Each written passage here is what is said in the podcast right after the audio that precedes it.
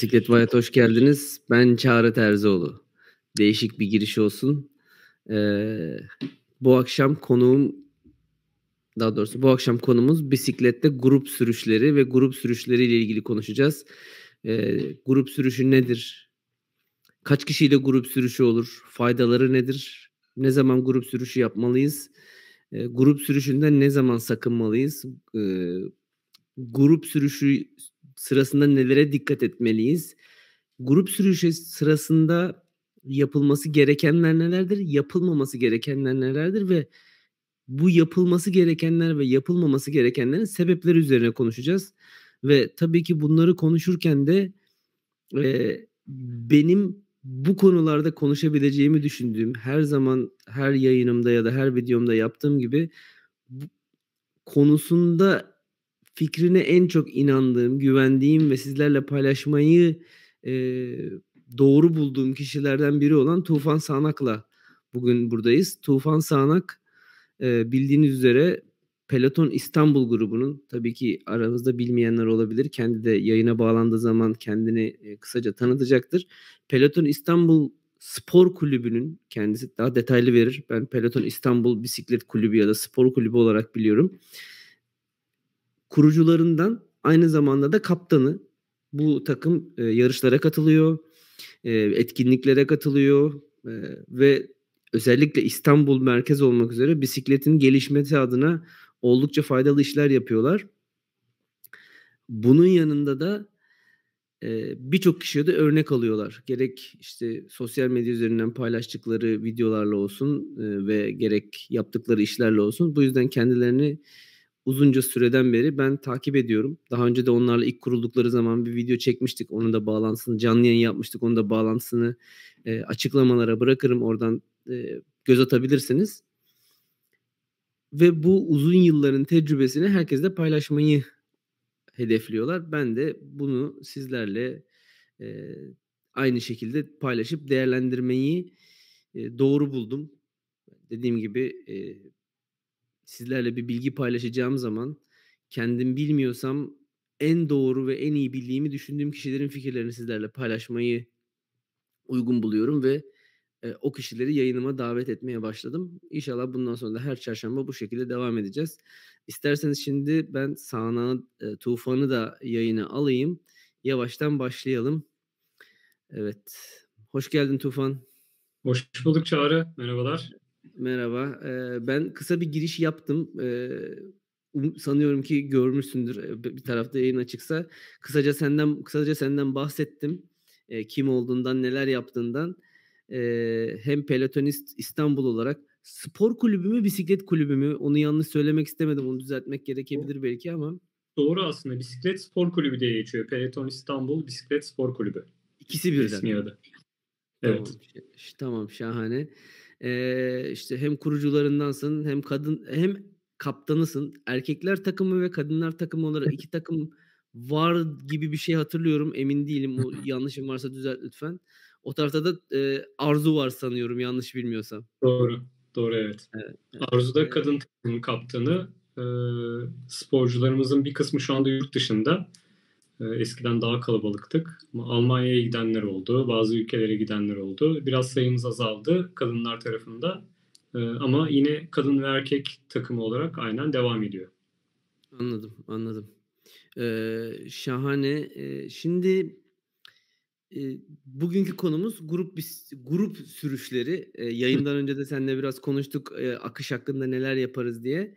E, dediğim gibi Hani ben bu konuyu konuşula konuşulabileceğimiz en doğru kişilerden biri olduğunu düşünüyorum. Çünkü herhalde grup sürüşlerine bu kadar önem veren, e, sürüşlerin nizamı olması gere sürüş sırasında olması gerekenler sırasında bu kadar çabalayan, uğraşan, işte telsiz Zello kullanıyorsunuz ama hani buna yakın bir sistem kullanan düzeni tutturmak için başka kimseyi tanımıyorum. Bunca yıldır bisiklete biniyorum İstanbul'da. Bu kadar özenli başka bir grup tanımıyorum ben.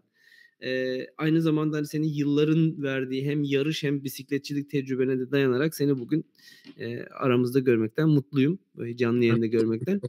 Çok teşekkür ederim. Ee, istersen böyle bir kısaca e, yani eminim ki birçok kişi şu anda bizi izleyen ya da daha sonra izleyecek kişi seni tanıyordur zaten. Ama tanımayanlar için de çok kısa böyle bir e, kendini anlatırsan ondan sonra grup sürüşü nedir diye ben sorayım. Oradan başlayalım sonra gerisine bakalım.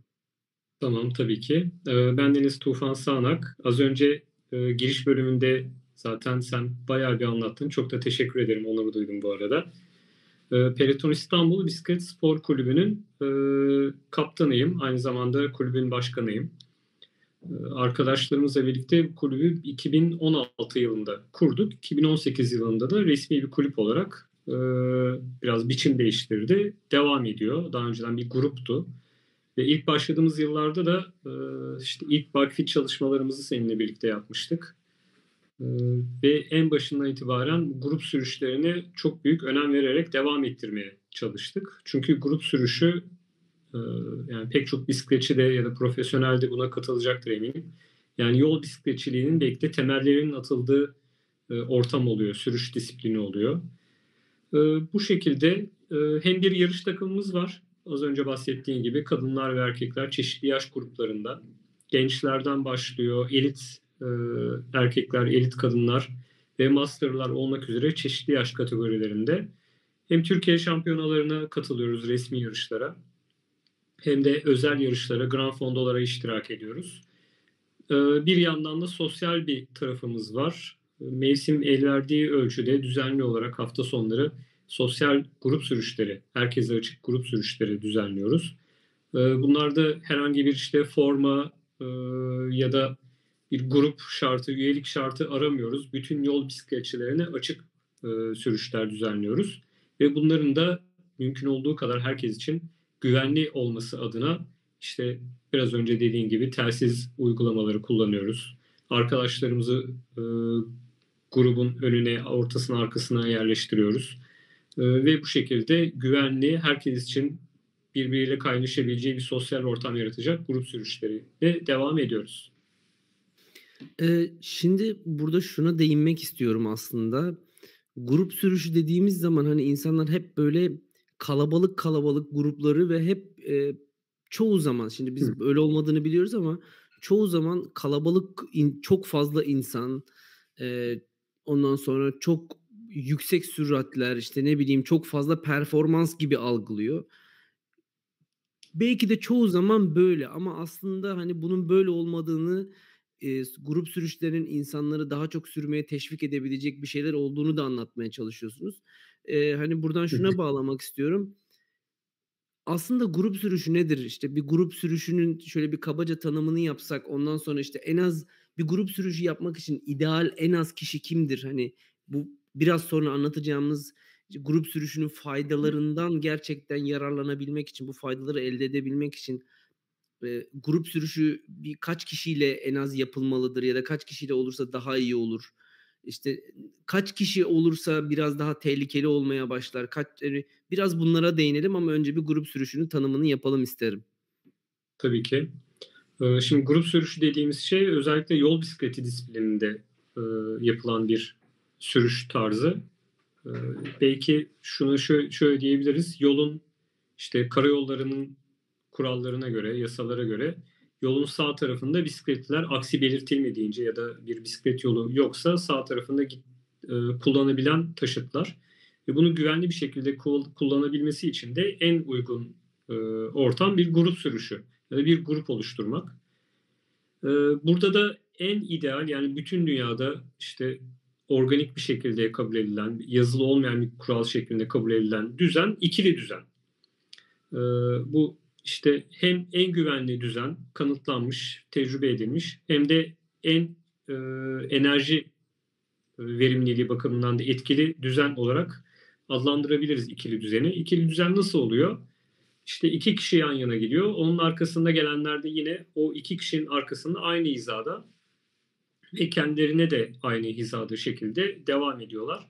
Ve bu sıralama 2, 4, 6, 8 şeklinde arkaya doğru uzuyor. İkili düzen, ikili grup düzeni dediğimiz bu. Ee, yolun sağ tarafını kullanıyoruz. Sağ şeridi bu ikili düzende bisikletçiler yolun sağ şeridini kapatıyor. ve buraya genellikle işte araçların girmesine izin verilmiyor bu grubun içine. Böylelikle güvenli bir şekilde grubun önü de arkası da aynı süratte ilerliyor. Ee, ne kadar kaç kişi olabilir? Şimdi ikili düzen dediğimizde bunun bir grup olarak adlandırabildiğimiz e, minimum sayı muhtemelen 4 olur. Şu iki kişi önde, iki kişi arkada. Dörtten baş... lafını kesiyorum. Buna biraz evet. da şöyle yaklaşabilir miyiz? Hani Tamam ikili düzende sürüyoruz. Aşağı yukarı bir araba kadar yer kaplayabilmek lazım ki trafikte bir grup olarak sağlıklı hareket edebilmek için diyebilir miyiz? Hani Tabii. çünkü 4 4 kişilik ya da 6 kişilik bir grup dediğin zaman e, arka arkaya dizilince aşağı yukarı bir araba boyu oluyor aslında. Doğru, doğru, çok doğru. Kesinlikle. Yani bir araba kadar yol kaplayacak bir bisikletçi grubuna grup düzeni, grup sürüşü yapıyor diyebiliriz yolda. Eee, şahane. O zaman, ııı, oradan şöyle devam edelim. Eee, ben buradan hemen notlarımı da açayım. Eee Şimdi tabii bunun bazı emniyet tedbirleri olarak da belli bir minimum kişi olması lazım. Eee, işte buna 6 kişi dedik. Eee, bu tip şeylerde sadece grup sürüşlerinde performans mı aramalıyız? Grup sürüşleri sadece performans için yapılan şeyler midir? Yoksa atıyorum ya ben abi biz Bostancı'dan çıktık Tuzla'ya köfte yemeye gideceğiz şeklinde de bir sürüş yapılırken de bu böyle bir grup sürüşü formatına uymak gerek e, daha doğru mu olur? Nasıl? Hani insanları buna mı teşvik etmeliyiz? Evet evet e, kesinlikle yani asla sadece performans için yapılmıyor grup sürüşü hatta performans için belki de en az tercih edilen formasyonlardan birisi. Tabii ki grup sürüşü disiplininde performanslı sürüşler yapılıyor. E, yüksek tempolu. E, belki interval antrenmanları şeklinde sokulabiliyor ama aslında performans için en az tercih edilen sürüş disiplinlerinden birisi grup sürüşü. E, bir yerden bir yere gitmek için, bir bisiklet gezisi yapmak için ya da sadece sosyal bir sürüş yapmak için ya da sadece kalori yakmak için çıkılan bir sürüşte yine grup sürüşü disiplininde hareket ediyor olmak yine bütün bisikletçiler için o bütün grup üyeleri için hem en güvenlisi hem de enerji bakımından, enerji, sarfiyatı bakımından en doğrusu olacaktır. E, o zaman ben grup sürüşünün ne olduğunu, ne e, ne zamanlar yap, ne için yapmamız gerektiğini, sadece performansı kapsamadığını da anlattığımıza göre biraz da faydalarından bahsedebiliriz. Şimdi zaten başında e, şöyle demiştik zaten hani emniyet açısından grup sürüşü çok önemli. Yolu kapatabilmek, arabaların dikkatini çekip onlara onların karşısında bir taşıt bir grup olduğumuzu belli edebilmek için grup sürüşü önemli. Ama grup sürüşünün başka faydaları da var aslında işte hani sosyallik gibi, e, sürüş dinamiklerini öğrenmek gibi, yan yana bisiklete sürmek gibi biraz bunlardan bahsedelim mi? Hani grup sürüşü yapmak neden faydalıdır? Grup sürüşü yapmak bize neler kazandırır? neden mesela siz insanları neden grup sürüşleriyle beraber teşvik ediyorsunuz? Daha çok sürmeye teşvik. E, ne gibi faydaları oluyor insanlara? Ne gibi faydaları oluyor bisikletçilere? Ya çok fazla faydası var grup sürüşünün. Şimdi yol bisikletine başladığınızda belki ilk başlarda işte bir gruba girmek e, pek çok bisikletçi için çekingen, çekingenlik kaynağı oluyor. Yani işte Acaba bu grup çok mu hızlıdır? Ee, ben bu grubun içinde bir hata ya da risk yaratabilir miyim? Ee, tabii ki bazı e, teknik eğitimleri almış olmak gerekiyor ya da belli bir seviyeye gelmiş olmak gerekiyor. Biraz dikkatli sürüş yapabiliyor olmak lazım otoyolda. Ama e, yol bisikletçiliğin temeli biraz önce de söylediğimiz gibi grup sürüşün sürüşüyle başlıyor. Şimdi e, ne gibi faydaları var? Bir kere en büyük faydası bisiklet üzerinde sosyalleşmek. Yani e, tek başınıza antrenman yapabilirsiniz, tek başınıza performans yapabilirsiniz. Ya da bir yerden bir yere tek başınıza yolculuk edebilirsiniz. Zaman zaman tek başına antrenman yapman da lazım. Her zaman da grup sürüşüyle olan bir şey değil zaten bu. Evet evet evet kesinlikle. Yani oraya da gelelim ayrıca. Ee, ne zaman grup sürüşü yapmanın faydası yok e, konusuna biraz sonra gelelim. Ama e, faydalarından bahsedecek olursak bir kere en büyük faydası sosyalleşmek. Çünkü bisiklet sporu ee, diğer insanlarla birlikte yapınca aslında çok daha keyifli oluyor. Diğer insanların kadansını gözlemleme şansınız oluyor. Diğer insanların tekniğini gözlemliyorsunuz. Ee, onlarla sohbet edebiliyorsunuz. Mesela grubun önünü çekmiyorsunuz. Ortalarında bir yerdesiniz. Bir yandan grup sürüşü içinde e, yola konsantre olurken bir yandan yanınızdaki arkadaşınızla sohbet ederek ilerleye, ilerleyebiliyorsunuz. Ee, ben burada bu... lafını böleceğim tekrardan. Ufak bir dipnot olsun. Şimdi bisiklet aslında öyle bir spor ki insanların yani bunu ayrımcılık dememek lazım ama e, hayatımızda hani böyle çok farklı, çok yüksek düzeylerde insanlar var. Çok büyük işler yapan, çok başka işler yapan, sizin olduğunuzdan, benim olduğumdan e, çok farklı e, hayatlar yaşayan, çok farklı işler yapan, çok farklı kesimlerden insanlar. Bu daha doğru bir cümle oldu galiba. Farklı kesimlerden insanlar var demek. Ama bisiklet bütün bu farkları kaldırıyor aslında.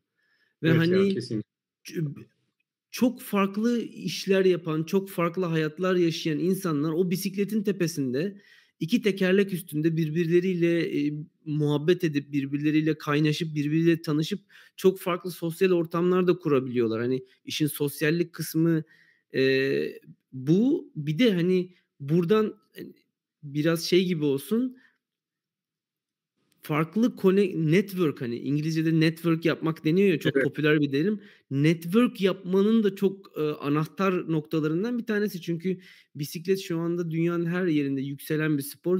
E, dediğimiz gibi her kesimden insan bisiklete biniyor. Yarın yanınıza e, kimin bisikletle geleceğini kestiremiyorsunuz.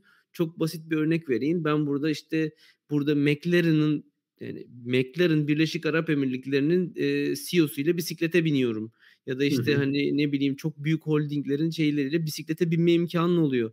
O adamı hani yolda gidip ofisinde gidip e, denk gelme gibi bir şansın yok günlük hayatında ama bisiklet üstünde denk gelebiliyorsun. Evet çok doğru yani bu kesinlikle çok önemli bir nokta. İşte o sosyal sınıfları, o tabakaları bir anda yok ediyor bisiklet. Yani e, bu yüzden de belki insanlık içinde hep denir ya bisiklet çok e, şey ilaç aslında. ilaç olan bir taşıt.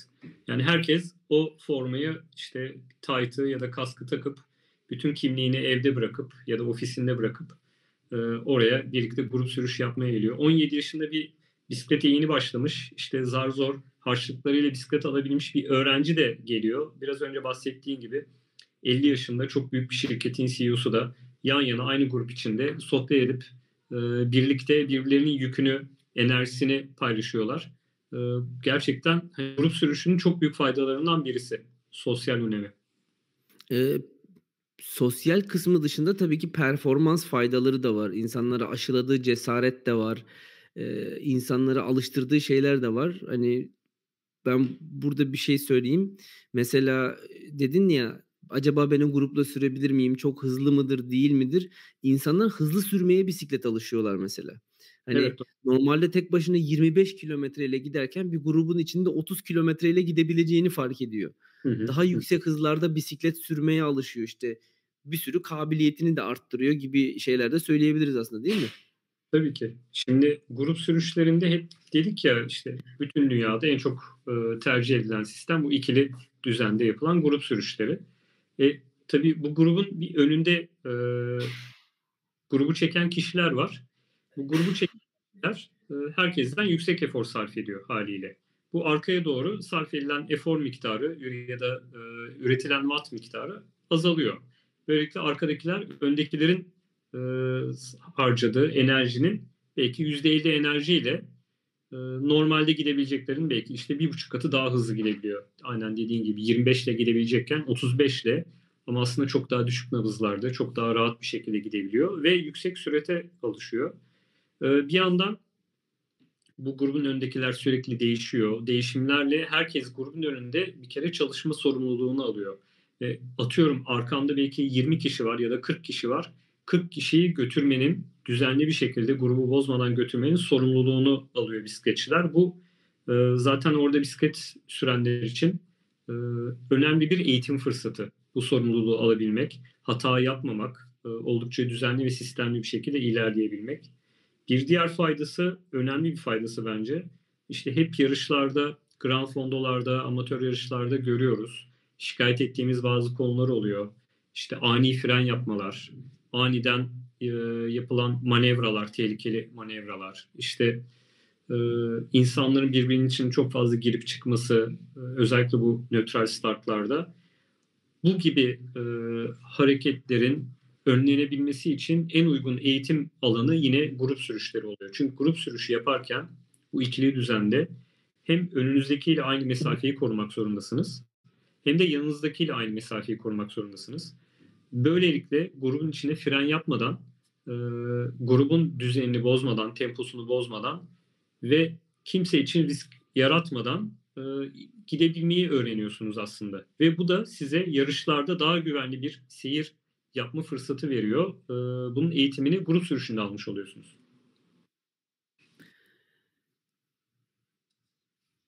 Peki e, hani eğitim tarafı e, eğitim tarafını da şey yaptık. Yetenek öğreniyorsun. Grup Hı. içinde nasıl sürülür, yolda nasıl gidilir, e, neye dikkat edilir, yola nasıl bakılırı öğreniyorsun. Çünkü sonuçta o hani dedin ya sorumluluk hissiyle hani önünde olan bir şeyi başkalarına da söylemen lazım. Hani yol evet. yol grup sürüşünde neler yapılır kısmına birazdan geleceğiz.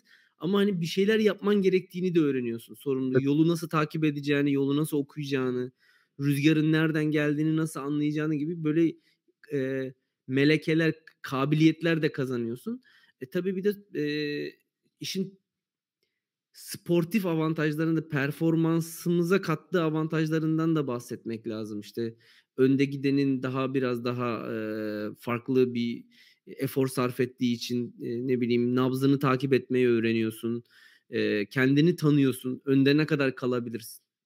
Şimdi, ya evet tabii şimdi e, arkanda gelen insanlar var ve önde sen rüzgarı e, karşılayarak gidiyorsun. Dediğin gibi bu, buna ne kadar dayanacaksın? Ya da aslında bu e, önde kalmak konusunda rüzgara karşı gidebilmek konusunda dayanıklılığını da arttırıyor. E, ne zaman değişmen gerekeceğini öğreniyorsun. Ne zaman arkaya gideceğini. Yani bunlar zaten sürekli işte yarışlarda karşına çıkacak olan e, sınavda soru e, çıkacak olan sorular aslında öyle söyleyeyim. E, mesela şu anda kış dönemindeyiz.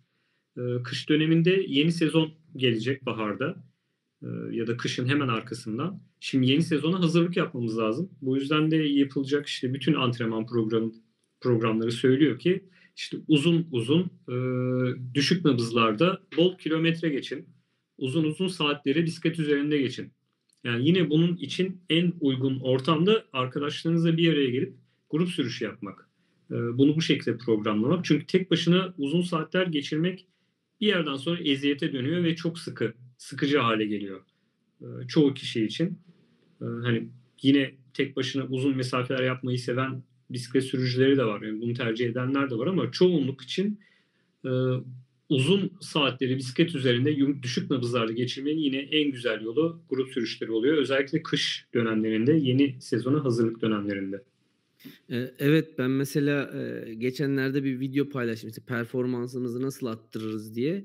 Ee, iyi temel atmanız gerekiyor. Hani bir koç evet. olarak sen de bir antrenör olarak sen de bunu biliyorsun ve bu temeli atmanın en şeyi yolu, en sağlam yolu da böyle çok abartmayacağın tempolarda uzun uzun bisiklete binmek. Ve hani evet. ge- genelde bunu yaptığın zaman da bu çok sıkıcı bir şeydir aslında. Hani böyle çıkayım böyle hani şimdi zone 2 diyeceğim çok şey yapmasana böyle sakin tempoda iki buçuk saat bisiklete binmek o düşük hızda e, bazen çok sıkıcı olabiliyor. Ama bir grup sürüşü yaptığınız zaman o sakin tempoda olmanız gereken nabızda kendi başınıza olduğunuzdan belki 5-6 bazen 10 kilometre daha hızlı gidebiliyorsunuz. Evet. Burada tabii şey yani o o antre o yapmanız gereken antrenmanları çok daha keyifli hale getiriyor. Tabii. Ya mesela mola vereceksin. İşte şu gideyim bakkaldan e, atıştırmalık bir şeyler alayım, sularımı tazeleyeyim. 5 dakikada dinleneyim diyorsun ama o 5 dakika içinde yanında sohbet edebileceğin, konuşabileceğin birisi yok. Yani orada şeyi bile arıyor insan işte tek başınaysa. Lastiği patlasa da onun lastiğine yardım etsem falan yani bir aksiyon olsa bir şey olsa. Ee, dediğin gibi uzun sürüşler için yine en güzeli arkadaşlarına bir araya gelip güzel bir grup sürüşü e, oluşturmak. Yani zaten o sohbet muhabbet için de işte 3 saat, 4 saat, 5 saat gerekirse çok su gibi gidip geçiyor. Ee, bir de siz hani şimdi İstanbul'da bizim Bostancı Tuzla olarak yaptığımız rota yaptığınız rota e, çok standart ama bunun dışında rotalara da gidiyorsunuz. Evet. Şimdi mesela e, İstanbul Anadolu yakasında oturan birçok insan tek başına çıkıp Bostancı'dan Tuzla'ya bisiklet binebilir. Ama herkes işte Anadolu kavağına gitmeye tek başına cesaret edemeyebilir tek başına olduğu zaman. Grup sürüşünün böyle avantajları da var ya da herkes işte ne bileyim Şile tarafına gitmeyebilir ya da işte ne bileyim Kurtköy tarafına gitmeyebilir. E, grup sürüşüyle tek başına gitmeyeceğin yere 6, 7, 8 kişi daha kolay ve daha cesaretli bir şekilde gidebilirsin. Yeni yerler keşfetmene de grup sürüşleri faydalı olur. Bunu da e, eklemek e, gerekir diye düşünüyorum. Evet evet. Ya ben şöyle bir örnek vereyim. Mesela buradan kulaklarımı çınlatayım. Eşim Arzu. E, şimdi onun çalıştığı yerde e, shiftleri değişti ve bizlerle aynı güne işte grup sürüşü denk getirmekte zorlanıyor bazen. O yüzden solo sürüşler yapıyor uzun uzun. E, 5-6 saatlik tek başına. Şimdi ben şahsen atıyorum işte 25 yıldan fazladır bisiklet üzerindeyim. Hani belki İstanbul'un ya da Türkiye'nin ya da dünyanın neresinde olursa olsun bisiklete binebilirim. Öyle bir yetkinliğe sahibim. Ama e, işte Tuzla'nın ötesine ya da Beykoz'un ötesine tek başıma gitmeyi pek gözüme kestirmiyorum. E, ya hem çok sıkıcı geliyor tek başıma bisiklete binmek hem de çok fazla güvenlik gelmiyor bana açıkçası. Çünkü yanınızda arkadaşlarınızın olması işte atıyorum hani yanına bir tane iç lastik alıyorsun çıkıyorsun. Lastiğin patlıyor değiştiriyorsun tamam. Ya da ikinci de patladı ve ikinci iç lastiğin yok o zaman arkadaşından isteyeceksin. Yani Tabii. bu tür problemler de oluyor. Ee, bir durumda seni koruyacak, kollayacak işte ya da sahip çıkacak arkadaşların olması da çok önemli. Böyle. Ee, o zaman şöyle devam edelim. Tabii ki şimdi grup sürüşünün faydalarından bahsediyoruz. İşte disiplin dedik, fitness avantajları dedik, işte sosyallik, sosyallikten bahsettik. Ee, bunun haricinde guru, işte ne bileyim e, emniyet emniyet avantajlarından bahsettik. Ama ne yaparsak yapalım grup sürüşü yapmamız ya da yapmamamız gereken yapmamamız gereken e, ya da grup sürüşüne uygun olmayan koşullar var. Hani hava koşulları olabilir, yol koşulları olabilir, antrenman koşulları olabilir. Biraz da bunlardan bahsedelim. E, şeylere geçmeden önce e, grup sürüşü kuralları, grup sürüşünde nelere dikkat etmek lazım, etikler nelerdir? Bunlara geçmeden önce ne zaman grup sürüşü yapmak lazım, ne zaman e, yapmamak lazım ya da grup sürüşünü ne zaman yaparsak daha faydalı olur, ne zaman grup sürüşü yapmazsak daha faydalı olur. Burada işte biraz senin antrenörlük bilginden de antrenörlük yaptığın kısmından da faydalanarak biraz bunlara da değinmek istiyorum açıkçası. Tabii ki. Ee, şimdi öncelikle grup sürüşünde e, bazı unsurlar olması gerekiyor. Ondan bahsederek e, ne, ne zaman grup sürüşü yapmamamız lazım? Oraya geçelim. Şimdi bir kere grup sürüşünde tempo çok fazla değişmez. E, sabit bir tempo olur aşağı yukarı ve bu tempo önceden o grup sürüşünü yapan liderler tarafından ya da grubun hemen yola çıkmadan önce o grubun içinde konuşulur arkadaşlar atıyorum işte bugünkü grup sürüşümüz 30-35 kilometre hız arasında olacak. Daha fazla üstüne çıkmayacağız. Genellikle sabit bir te- tempoda gidilir ve grubun içinde de işte tempo bozulmaz. Bunu bir kenara koyduk. Şimdi biz bazı şartlarda grup sürüşü yapmamamız gerekiyor. Çünkü antrenman planımızda bizim interval yapmamız lazım mesela. Ee, bu da sürekli değişen bir tempo anlamına geliyor. Mesela sprint tekrarlarımız var, sprint intervallerimiz var. Ee, işte o günkü antrenmanımızda 30'ar saniyelik sprintlerimiz var 10 adet. Aralarda işte birer dakika ile ikişer dakika dinlenmeli. Ee, bunu bir grubun içinde yapamazsınız. Bu çok zor bir şey. Ee, çünkü o grubun içinden sürekli sprint atıp tekrar grubun, grubun içine gelmek hem o grubun temposunu bozacaktır, düzenini bozacaktır e, seninle antrenmanı yapmıyorlarsa hem de senin etkili, verimli bir şekilde antrenman yapmana engel olacaktır grup. Bu yüzden işte beşer dakikalık intervaller olabilir, e, yokuş antrenmanları olabilir, yokuş tekrarları olabilir. Ya da işte onar dakikalık uzun e, sweet spot antrenmanları olabilir. Bunları grubun içinde yapmak çok çok mümkün değil. Yani hem e, enerjinizi verimli bir şekilde harcayamazsınız istediğiniz hedef wattları tutturmakta zorlanırsınız. Hem de grubu da tehlikeye ve riske atmış olursunuz. Yani biraz daha spesifik bir antrenman yapmamız gerekiyorsa ya da spesifik bir pür, spesifik bir sürüş için özel programlanmış, özel amacı olan bir sürüş için yola çıktıysak o gün grup sürüşü tercih etmek çok da mantıklı olmayabilir. Ha, tabii şeydir mesela o günkü grup sürü o günkü hedef sürüşün e, atıyorum 3 saat böyle sakin tempoda binmekse o ayrı bir şey. O da özel bir sürüş ama işte dediğin gibi interval antrenmanın varsa özel bir spesifik bir noktada sürmen gerekiyorsa bu nabız aralığı olabilir, watt aralığı olabilir artık nasıl takip ediyorsan antrenmanını. E, çünkü yapmamakta fayda var. Tabii evet. burada şunu da eklemek lazım. Neden böyle bir şeyde fayda var? Dediğin gibi bir istediğin şeyi tutturamayabilirsin. İstediğin nabzı, istediğin wattı tutturamayabilirsin. Çünkü grubun atıyorum yüksek wattla sürmek için sürekli grubun önünde gitmek de iyi bir şey değil. Başkalarının da grubun önüne gelmesi gerekiyor çünkü. E grubun arkasına gittiğin zaman da o wattı tutturmak çok mümkün değil ya da içinde kaldığın zaman tutturmak çok mümkün değil gibi e, güzel bir noktaya vardık. Hani bunun haricinde neler olabilir? İşte ne bileyim mesela hava koşulları olabilir mi? İşte ne bileyim gittiğimiz rotanın şeyi olabilir mi? Ya bu atıyorum şöyle rotalara grup sürüşü yapmamak lazım ya da şu gibi havalarda grup sürüşü biraz daha tehlikeli olur ya da işte şöyle bir iş yapılacaksa ya da bisikletle şöyle bir aktivite ise grup sürüşü yapmamak lazım. Daha bireysel ya da işte 6-8 kişilik gruplar değil de 2-3 kişilik küçük küçük gruplar halinde hareket etmek lazım diyebileceğim şeyler var mı? Tabii ki. Benim öncelikle bir kere rota aklıma geliyor. Şuradan örnek vereyim. Bizim sürekli çok pardon antrenman yaptığımız bir göç ve rotamız var. Şimdi bu rotaya belli bir yere kadar grup halinde gidebiliyoruz. Çünkü çok fazla işte yeryüzü şekilleri hareketli değil. Düz bir şeyde zaman zaman düzgün tırmanışlar var. Zaman zaman yine düzlükler var. Belli bir yere kadar grup halinde gidiyoruz. Ama sonrasında rotanın devamında rota sürekli tepelerde inçik inçik hale geliyor. Burada da bireyler arasında güç farkları çok fazla meydana çıkmaya başlıyor. Atıyorum işte siz çok daha güçlüsünüz. Bütün yokuşlara önden çıkıyorsunuz.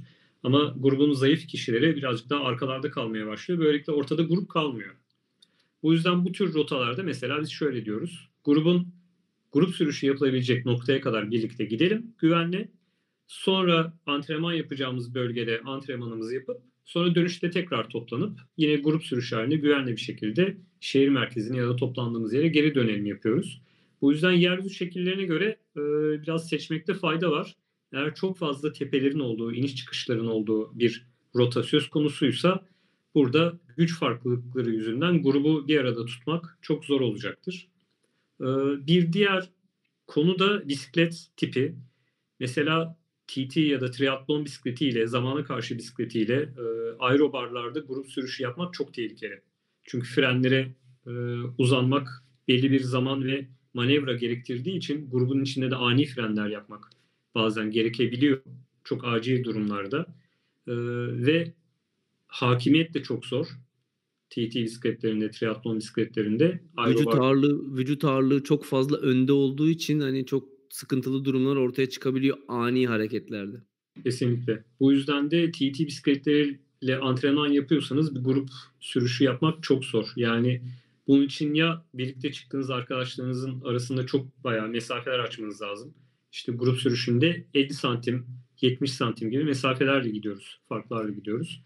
Bunları belki işte 2 metre, 3 metre, 4 metre gibi e, mesafeler koymak lazım ki hem o antrenman zaten verimli olsun. Çünkü zaten TT bisikleti söz konusu olduğu zaman e, ya da triatlon bisikleti de draft diye bir şeyden çok bahsetmememiz lazım. E, hem de hem verimin yanında hem de güvenli olsun. Ani ya hareket. Şimdi burada bir burada bir parantez açalım. Ee, yarış izleyen ya da yarış takip eden şu anda izleyen veya sonra izleyecek kişiler için şöyle söyleyeyim. Şimdi yarışlarda gördüğümüz takım zamana karşı çok ayrı bir disiplin. Kesinlikle. Onun için e, onun için çok ayrı antrenmanlar yapılıyor, çok ayrı tekrarlar yapılıyor. O formasyonlar üzerinde çalışılıyor. Kim ne zaman değiştirecek, ne olacak? Ve o tip sürüş o tip sürüşler zaten yarışlar trafiğe kapalı alanda yapılıyor ama o tip antrenmanlar da böyle e, o antrenmanın yapılabileceği böyle çok e, lokasyonlar çok iyi seçilerek yapılıyor.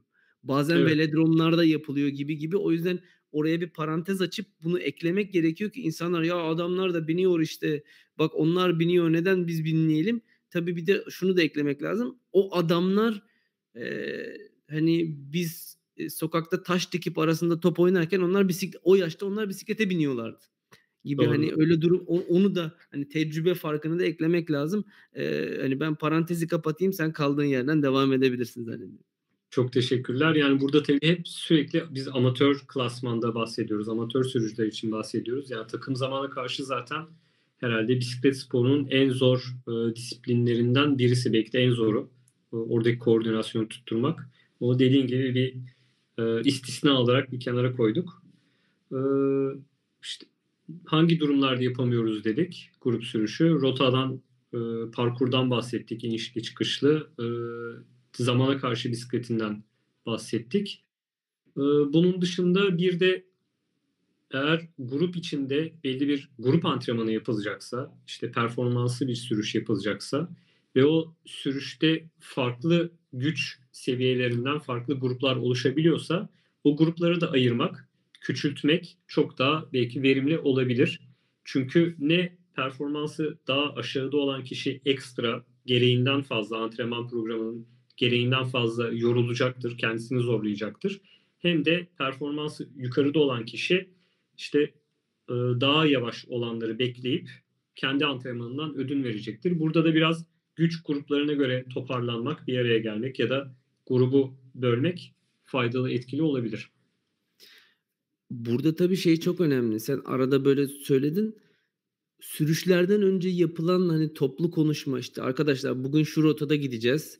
Hı-hı. Aşağı yukarı e, şöyle bir hani insanları tabii ki hani o gün o sürüşü liderliğini yapacak kişiler biraz katılanları da tartabilecek kişiler olduğu için işte iki gruba bölünürüz. Hızlar böyle olur. İşte yavaş biraz daha yavaş gitmek isteyenler bu grupla biraz daha yavaş hızlı gitmek isteyenler bu grupla ya da şu şekilde gidebilir diye e, bunların açıklamalarını iyi yapmak, bunları baştan belirlemek, e, ondan sonra e, grup sürüş kurallarını her sürüşten önce tekrarlamak lazım. Çünkü hı hı. Tamam her grubun bir çekirdek e, yapısı oluyor işte 3-5 kişi atıyorum 10 kişilik 15 kişilik bir grupsa o grupta illaki 5-6 kişi böyle bir gedikli dediğimiz o grubun çekirdeği oluyor ama sonuçta çoğunluk sürekli yeni geliyor. Her hafta yeni evet. biri geliyor ya da sürekli birileri ekleniyor. O yüzden bu briefingler de önemli. Neler olacak, ne bitecek, nerede durulacak, kaçıncı kilometrede durulacak. İşte yeni gelen birileri varsa ya da yeni katılan e, insanlar varsa işte şu şu kadar bineceğiz buradan sonra işte burada su var, burada su yok. Suyunuzu doldurmayı unutmayın. Onu alın, bunu alın gibi şeyleri de e, sürüşten önce söyleyip insanları bilgilendirmek ona göre ona göre yola çık yola çıkmak lazım. Tabii e, esas iş yola çıktıktan sonra başlıyor. Çünkü e, özellikle pandemiden sonra şöyle bir şey ortaya çıktı. E, insanlar yanlış anlamasınlar ama pedala basıp gidonu tutabilen herkes yani o bisikleti yürütebilen herkes bisiklet şimdi şimdi araba süren insan var bir de şoför olan insan var bisiklete binen insan var, bisikletçi insan var. Bunlar hani birbirlerinden farklı şeyler olarak görüyorum ben. Ee, herkes kendini bisikletçi, nasıl herkesin kendini bir biraz hızlı araba kullanınca kendini şoför zannediyor, sürücü zannediyor. Biraz bisiklete binince kendini bisikletçi olarak adleden kişiler de var. Ee, hani e, işte buna karşı bir şey yapmak lazım. Tabii ki grup sürüşleri bu herkesi eğitiyor ama eğitmek amaçlı ama e, grup sürüşleri sırasında tehlike yaratmamak için işte e, bu anlattığımız fayda anlattıklarımızdan biraz önce anlattıklarımızdan faydalanmak ya da zarar görmemek için uymamız gereken bazı kurallar var. Hani grup sürüşü etikleri demek lazım. Grup sürüşü etiği demek lazım.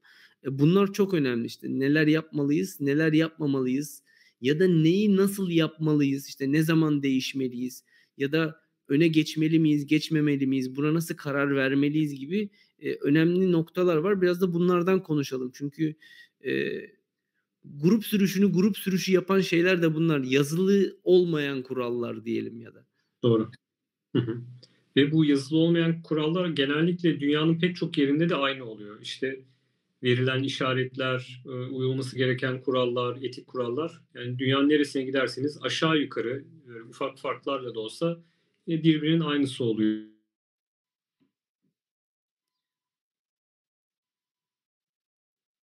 Evet, e, tabii ki hani grup sürüşünün e, bu bu kısmı e, oldukça önemli. Dediğin gibi şimdi siz burada öğrendiğiniz şeyleri dünyanın başka bir yerinde, başka bir ülkesine gittiğiniz zaman da bir şekilde kullanabiliyorsunuz. Çünkü e, dünyanın başka bir yerinde de insanlar e, yoldaki bir engeli gösteriyorlar dünyanın başka bir yerindeki insanlar da su içecekleri zaman ya da ellerini gidondan çekecekleri zaman bir işaret veriyorlar. Ya da yoldaki bir engeli gösterirken aşağı yukarı benzer işaretler kullanıyorlar. Ee, araba geliyorsa onu ikaz ediyorlar ya da işte değişirken aynı yöntemleri kullanıyorlar. Çünkü bisiklet sürerken grup süreçinde değişimler çok önemli. Ee, bunlara dikkat ediyorlar. Şimdi biraz bunlara değineceğiz ama Tufan'ın görüntüsü gitti bir süre için. Biraz da onu bekleyelim. Bu arada herhangi bir sorunuz varsa bana olabilir, Tufan'a olabilir. Bunları paylaşmaktan çekinmeyin. Burada da fırsatımız olduğu sürece sizlere cevap verelim. Bu da bir şey olsun. Evet, Tufan birazdan gelecek. Yeniden bağlanıyor şu an. Yeniden bağlanıyor şu anda. E, o gelene kadar ben isterseniz e, sizin biraz sorularınızı cevaplayabilirim. E, bu aradaki süreyi böyle değerlendirebiliriz. E, biraz internet bağlantısı ile ilgili sorunlar o, olabilir. Acaba, Ondan benim kaynaklı. Problem oldu galiba. Benim evet, evet. Tufan geri geldi. Selam. Tufan, kusura bakma. Tufan önemli değil, önemli değil. Ben de hani e, biraz şeylerden bahsediyordum. Hani işte dünyanın her yerinde insanlar senin dediğin gibi işte önlerine bir engel çıkarsa arkadakine gösteriyorlar. İşte belli bir süre sonra değişiyorlar. Ee, işte ne bileyim e, su içecekleri zaman haber veriyorlar, yavaşlayacakları zaman haber veriyorlar. Yani Türkiye'de öğrendiğiniz kurallar, Türkiye'de öğrendiğiniz alışkanlıklar senin de dediğin gibi dünyanın her yerinde 3 aşağı 5 yukarı geçerli oluyor. Bu yüzden bunları bilmek, öğrenmek, uygulamak e, şey gibi böyle e, alyan çakısı taşımaya benziyor. Aynen öyle. Ee, mesela nelerden bahsedebiliriz en temelde? E, grup sürüşü yapıyorsanız bir kere en başta bu verilen briefing'e e, ya da daha önce yazılan grup kurallarına bir kere uymayı kabul ediyorsunuz o grubun içine girdiğinizde en başta. Bunu unutmamak lazım. E, atıyorum grup sürüşünde en başta arkadaşlar işte 35 kilometre saati aşmayacağız sürat olarak denildiyse sizin o grubun önüne geçip işte 38 ile 40 ile çekmiyor olmanız lazım. E, tempoyu bozmamanız lazım. Bu bir. İkincisi e, grubun işte önüne geçecekseniz belki kendinizi o grup liderlerine tanıtmanız önceden güzel olur, faydalı olur. Merhaba işte benim ismim Tufan, ee, ben yeni geldim grup sürüşünüze katılacağım ee, gibi kendinizi grup liderlerine ya da çevredeki insanları tanıtırsanız bu şekilde bir sosyalleşme herkes için faydalı olacaktır. İnsanların sizi tanımasına ve güvenmesine yol açacaktır. Ee, grubun önünde tempoyu bozmamaktan bahsettik grubun önündeyseniz e, grubun o anki lideri e, aşağı yukarı siz oluyorsunuz. Ve grubun buna, buna şeyi ekleyebilir miyiz? Kusura bakma hani ben işte şuyum, böyleyim. E, şunu da eklemek doğru olur mu sence? Ben gruba yeni geldim. Hani e, işte normalde çok fazla grup sürüşü yapmıyorum. Yapıyor olabilirsiniz, yapmıyor olabilirsiniz. Hani ön tarafa geçecek şeyi kendimde şu an için görmüyorum. Ön tarafa geçmesem olur mu?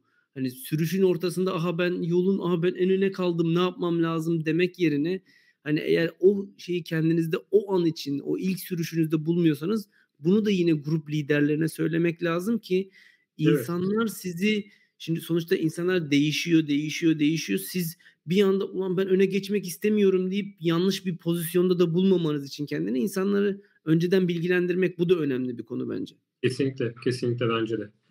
Ee, bir kere onun haricinde eğer öndeyseniz, grubu çekiyorsanız bazı şeylere dikkat etmeniz lazım. O anda grubun lideri ve güvenliğinden sorumlu kişi siz oluyorsunuz otomatikman.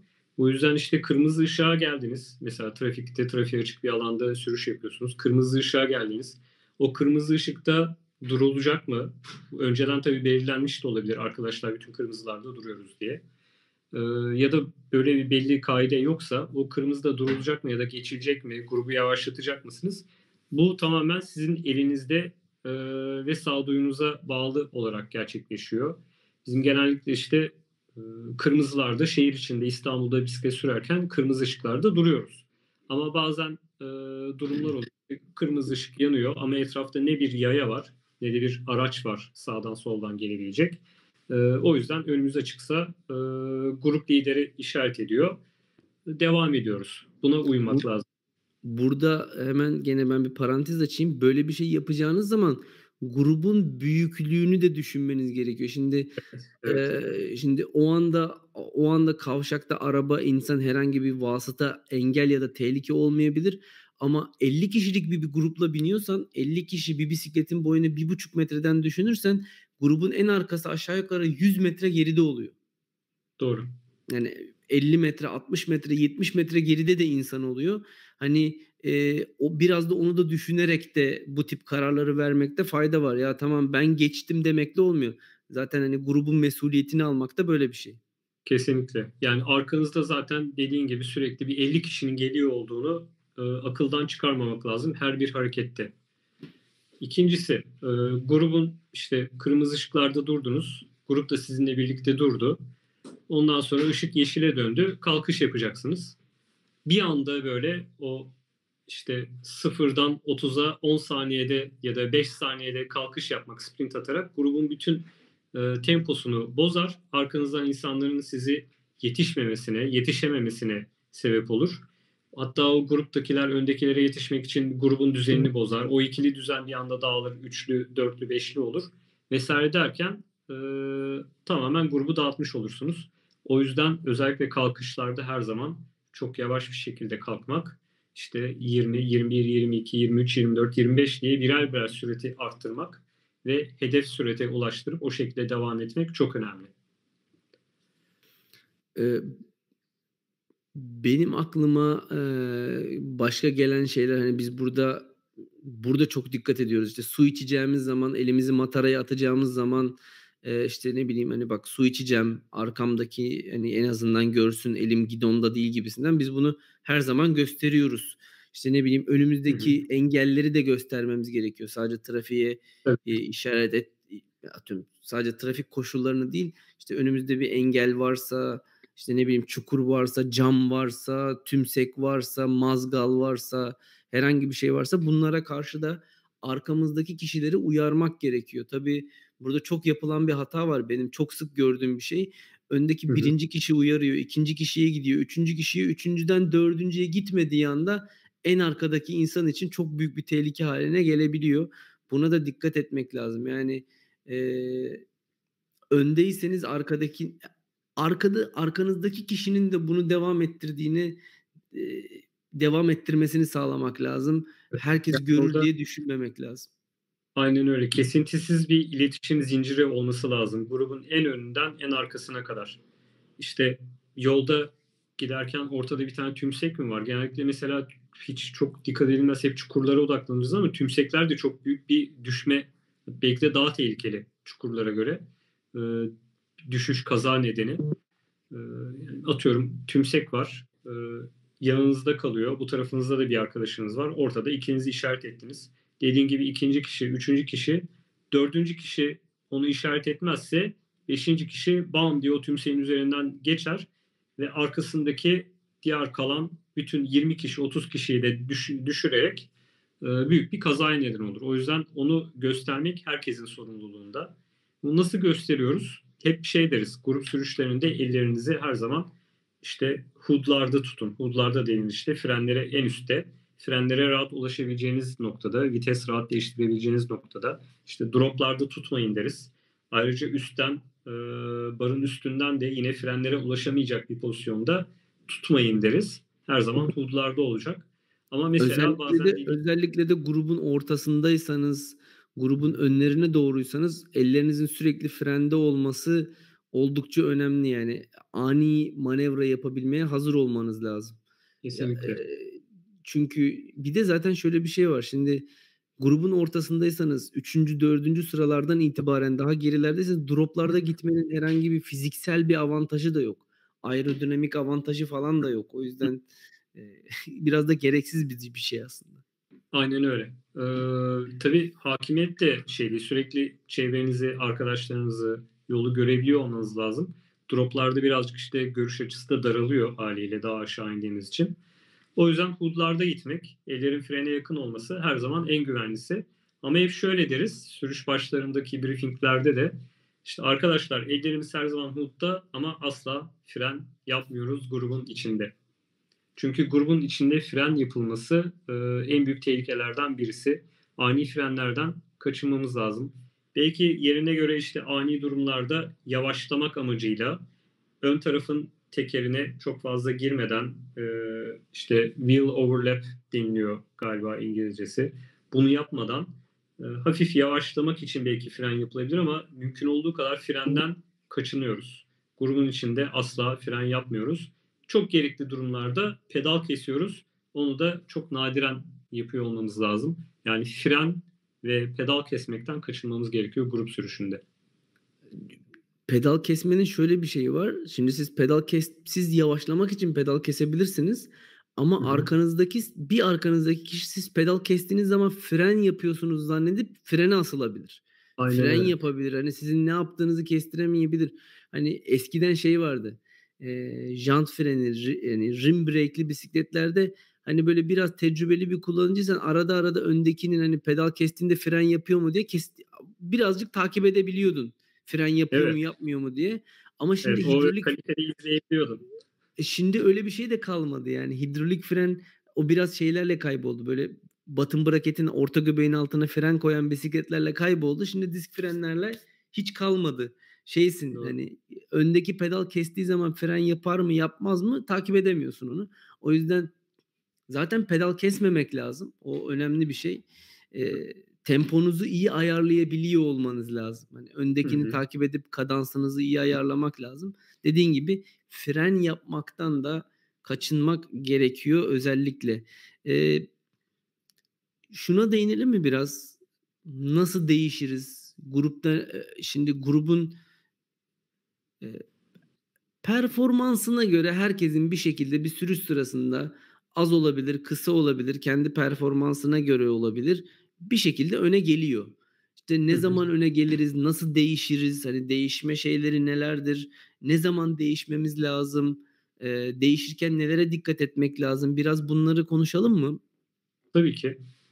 Önde ne kadar önde ne kadar durmak doğrudur ya da hangi nasıl hangi koşullarda öne geçmemek lazım? Biraz da bunlardan bahsedelim mi? Ya ön, önce bir e, önceki konudan aklımda bir şey var. Tabii ki Ondan tabii ki diyorum. Hani hep diyoruz ya grup içinde işte fren yapmamak lazım, e, pedal kesmemek lazım diye. Çünkü şimdi grubun bir temposu var. Tren şeklinde aynı tempoda ilerliyor. İşte her parmak bir sürücü sırası olsun. Her sıra aynı hizada ilerliyor. Ama grup içinde önde olan şeyler arkaya doğru genellikle işte kelebek etkisi dediğimiz e, şekilde çok daha büyük dalgalar halinde yansıyabiliyor. Şimdi öndekinin hızlanması arkaya doğru geç ulaşacağı için arkada çok daha büyük sprintler atılmasının neden oluyor. Öndekinin yavaşlaması yine arkaya doğru birazcık daha geç ulaştığı için çok daha büyük frenlemeler, büyük hareketlere neden olabiliyor. Ee, bu yüzden de e, ön taraftakilerin ve ya da gruptaki herkesin o eşit süreti, eşit mesafeyi koruyabilmesi için e, frenden ve pedal kesmekten kaçınması lazım. Yoksa işte ufacık bir frende arkadakiler gelir hop birbirine girer grup. Ee, bu yani önemli bir şey. Bir akordeon etkisi var yani orada sürekli. Bununla bununla ilgili şey şöyle bir e, trafik videosu var. Bir tane roundabout'un etrafında hani böyle bir trafik adasının etrafında arabalar dönüyor. Dört tane araba dönüyor böyle. Grafik yapmışlar. Dört tane arabada birebir aynı hızda dönüyor. Tabi dijital araçlar oldukları için bunlar şey yapabiliyorlar. 25 kilometre bölü saat sabit dönüyorlar evet. böyle bir aracın hızını böyle yarım kilometre falan düşürüyorlar. Sadece bir aracın hızını. Bir anda o öndekine yetişiyor. O öndekine yetişince fren basıyor daha çok yavaşlıyor. Arkadaki ona geliyor falan. Hani bir arabanın hızı yarım kilometre değiştiği için bir anda trafik karışıyor, kaza oluyor falan böyle. O yüzden hani takip etmek, ani fren yapmamak, ani hız değişimi yapmamak önemli. Hemen şöyle bir şey söyleyeceğim. Canberk Tezel bu soruyu sormuş. Biraz e, bunun üstünde durduk aslında. Ama hani şöyle tekrar bir geçelim. 25-30 kişilik bir grup öncesi 30 30 33 35 kilometre ortalama denilip sürüş sırasında grup kurallarına aykırı şekilde 37-38 ortalamalara çıkıp sürüşü tamamlamak kişisel sürüş dinamiğini ve o grubu nasıl etkiler? Yani önceden bahsedilen... Bu, bu yapmamamız gereken şeylerin başında evet. gelen bir şey ama gene de bir, bir değinelim tekrardan kısaca. Ondan sonra devam edelim. Kötü etkiler. evet kötü etkiler. Yapmamak lazım. Kesinlikle yapmamak lazım. Çünkü önceden bir plan yapılmış. Herkes işte enerjisini, suyunu, yiyeceğini ona göre hazırlamış. Ee, belki gruba yeni katılan kişiler var. Aa tamam işte 32-33'te gideceklermiş. Ben de bu gruba katılıp grup sürüşü tecrübesini yaşayabilirim. Ee, böylelikle keyifli, güvenli, güzel bir sürüş yapabilirim çok zorlamadan diye düşünen insanlar olabilir. Bir kere bunları tamamen hayal kırıklığına uğratmış. E, dili dışarıda bir şekilde gruptan kopmasına neden olmuş olabilirsiniz. O tempoyu arttırıp. E, o antrenmanı bu şekilde olması gereken kişiler vardır. İşte o gün 12 2 saat sürüşü vardır e, bir sporcunun, bir bisikletçinin. O yüzden o grup sürüşüne katılmıştır. Arkadaşıyla birlikte sohbet ede ede gidebilmek için. Onu yapamaz. Bunlar e, bozulur. Daha önce dediğin gibi yani e, önceki dakikalarda bunlardan hep bahsettik. Yani bu kuralların önceden belirlenen planın dışına çıkmamak lazım. Ee, çıkacaksınız eğer o grubun süreti size uygun değilse daha hızlı gitmek istiyorsanız o zaman gruptan ayrılmak gerekiyor. Grubu kendi haline bırakıp kendi süretinizde nasıl istiyorsanız öyle gitmek lazım. Yani diğer insanların temposunu bozmamak gerekiyor. Ee, o zaman böyle bir niyetiniz varsa o grupla sürüşe çıkmamanız gerekiyor. Solo çıkın. Yani en baş. E, solo çıkın ya da o grubun o o günkü sürüşün o günkü sürüş sırasında daha hızlı bir grup varsa onu tercih edin. Yani sürekli bir grup sürekli bir grup insanla bisiklete biniyorsunuz diye o gün hızlı gideceğiniz zaman onları da bir şekilde düzenini bozmak yerine o gün daha hızlı giden bir grupla yola çıkmayı tercih edebilirsiniz. Ve şimdi e, konu dağılmadan hemen şeyden devam edelim. E, yapmamız ve yapmamamız gereken şeyleri konuşuyorduk. Biraz hani etikten bahsediyorduk. E, oradan devam edelim.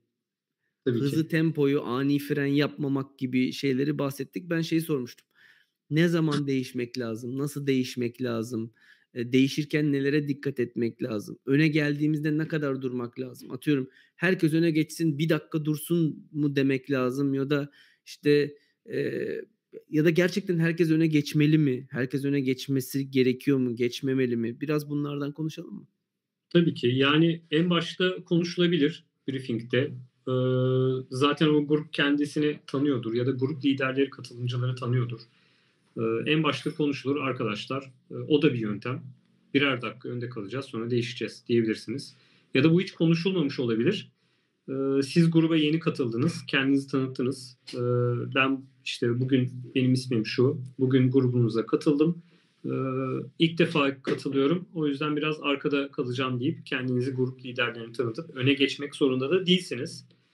Ama önde çalışacak kişilerin, önde değişim yapacak kişilerin işte ilk 5 sıranın sabit kalması lazım. Onların çok fazla arkalara doğru gidip e, değişmeyecek kişileri öne bırakmaması lazım. Yani aralara girmesi gerekiyor. Önde ne kadar kalmamız gerekiyor? Bir kere atıyorum grubun zaten hani belli bir temposu önceden belirlenmiş e, aşağı yukarı. O günkü tempo 35 diyelim. Siz ön tarafta saatlerce kalıp 35 kilometre hızı sürdüremeyeceğiniz gibi, grubun temposunu düşüreceğiniz gibi aynı zamanda arkadaki kişilerin de grubun önüne geçmesine mani olacaksınız demektir. O yüzden grubun ön tarafını çok işgal etmemek gerekiyor. Değişecek olan arkadaşlarınız varsa o gün ya da grubun diğer kalanı da o değişime girecekse grubun önünü çok fazla işgal etmemek gerekiyor. İşte atıyorum e, belki bir dakika, belki beş dakika, belki en fazla hani çok uzun bir sürüşse 10 dakika gibi süre kalıp arkaya geçip bir, bir yerden sonra e, ön tarafı devretmek lazım. Ha, o gün grupta çok fazla e, tecrübeli kişi yoktur. Tecrübeli kişi sayısı belki 6'dır. O, o 6 kişi de ilk 3 sırayı oluşturur. O 6 kişinin belki sürekli değişe değişe e, grubu götürmesi icap edebilir. E, bunlar o sürüşün e, ya da grubun dinamiğine göre değişebilecek durumlar. Ben burada bu söylediklerine şunu ekleyebilirim belki. Ee, işte nabız bandı kullanıyorsanız ya da işte power metre gibi e, kendinizi takip edip ölçebileceğiniz şeyler kullanıyorsanız ve biraz da limitlerinizi biliyorsanız işte ben şu nabzın üstüne çıkamıyorum e, ya da şu watttan fazla şu wattlarda işte bu aralıklarda da şundan daha uzun süre binemem gibi hali hazırda bilgileriniz varsa öne geçtiğiniz zaman bunları da takip edebilirsiniz. Yani Tabii. sizin işte sürdürebilir sürdürebildiğiniz nabzınız 150-160 ise nabzınız oralara yaklaştığında ya da o, o sınıra ulaştığında tamam deyip değişmeyi de talep edebilirsiniz ki çünkü eğer bir sefer e, patlamak mı demek lazım ona? Hani doğru kelimeyi nasıl koymak lazım oraya? Hani bir sefer nabzınız patladığı zaman ya da o eşiği aştığınız anda sürdürebileceğiniz eşiğin ötesine biraz fazla gittiğiniz anda bu sefer arkaya geçseniz de toparlayamıyorsunuz çünkü. Bu sefer daha kötü evet. bir durum oluyor. Arkada da tutunamıyorsunuz, kopuyorsunuz daha kötü oluyor. Hani kendinizi evet. bilmek, kendi değerlerini, kendinizi takip etmek de önemli. İşte ben de öne geçeyim, önde grubu ben de biraz çekmiş olayım demek için kendinizi bitirip sürüşün devamını da tatsız hale getirmemek lazım. Sadece grup için konuşmuyorum. Burada kişisel şeyiniz için de konuşuyorum. Doğru doğru tabii. Bir kere zaten dediğin gibi önde ekstra efor sarf edeceksiniz. Rüzgara karşı grup çeken kişi sizsiniz. Ee, haliyle belli bir zaman sonra işte gıda almak lazım, su içmek lazım. Bunları da grubun önünü çekerken yapmak e, çok kolay değil. Yani belki mataradan su içebilirsiniz ama grubun önünde e, grup çekerken beslenmek çok doğru bir hareket değil. Arka tarafın hem temposunun bozulabilmesi e, bu durumda söz konusu hem de güvenliğin tehlikeye atmış oluyorsunuz. Bu yüzden de dediğim gibi işte nabız, e, kalori, e, güç gibi metriklere bakarak da ne kadar kalmanız gerektiğini e, aşağı yukarı kestirebilirsiniz. Sonuçta herkes kendini 3 aşağı 5 yukarı biliyor. Tabii ki çok yeni arkadaşlar işte e, daha bu şeyin başındaki arkadaşlar bunu bile bilemeyebilir ya da tam hakim olamayabilir. Mesela e, Ege sormuş Ege Şenkaya nabzımın üst limitini nasıl öğrenebilirim diye. Hani bu ayrı bir ayrı bir konu aslında ama belki en son kapatmadan buna da böyle bir kısaca değinebiliriz hani çünkü madem muhabbetin bir yerinde böyle bir parantez açtık buna e, sonradan dönelim. E, peki hani şimdi ikili düzende sizin ter, şeyde Giant'la beraber paylaştığınız bir video vardı böyle değişimlerle ilgili hani böyle çok eğlenceli ben çok eğlenceli bulmuştum. Ee, biraz ona biraz ona değinelim mi? Hani nasıl değişmek lazım? Hı hı. Sağdan sola mı böyle çember gibi mi yoksa yana açılarak mı? Değişirken nelere dikkat etmek lazım? Değişirkenden kastım uygulamayı yaparken hani işte ben e, öne geçiyorum gibisinden değil de o uygulama değişim anında nelere dikkat etmek, öncesinde ve sırasında nelere dikkat etmek lazım, nasıl yapmak lazım biraz da bunlara değinelim mi? Tabii ki. Şimdi hep ikili düzenden bahsettik. Ee, onun üzerinden gidelim. Ama e, ayrı bir parantez açıp bir de tek sıra e, dizilimden de bahsedelim hazır bu değişim yeri gelmişken. Çünkü o da bir sürüş stili. E, grup sürüşü stili.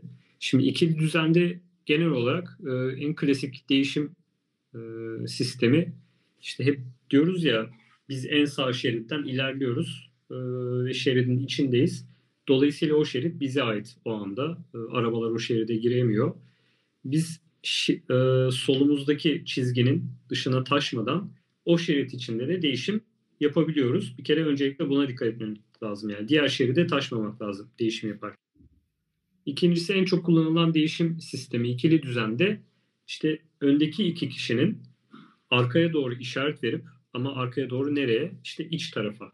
Şimdi dışarı doğru açılacaksa iç tarafa dirsekle işaret verip sonra biraz süreti arttırıp hafif sonra kendisini grubun dışına alıp arkaya doğru işte süretini düşürerek grubun arkasına doğru kendisini bırakması. Bu esnada onun yanındaki diğer kişi de aynı işi yapıyor ve arkaya doğru kendisini bırakıyor. Orada değişmeden önce arkaya içteki dirsekle arkanızdaki arkadaşınızın görebileceği şekilde işaret vermek ve biraz hızlanıp grubun önüne gitmek değişmeden önce çok önemli. Neden hızlanıyoruz?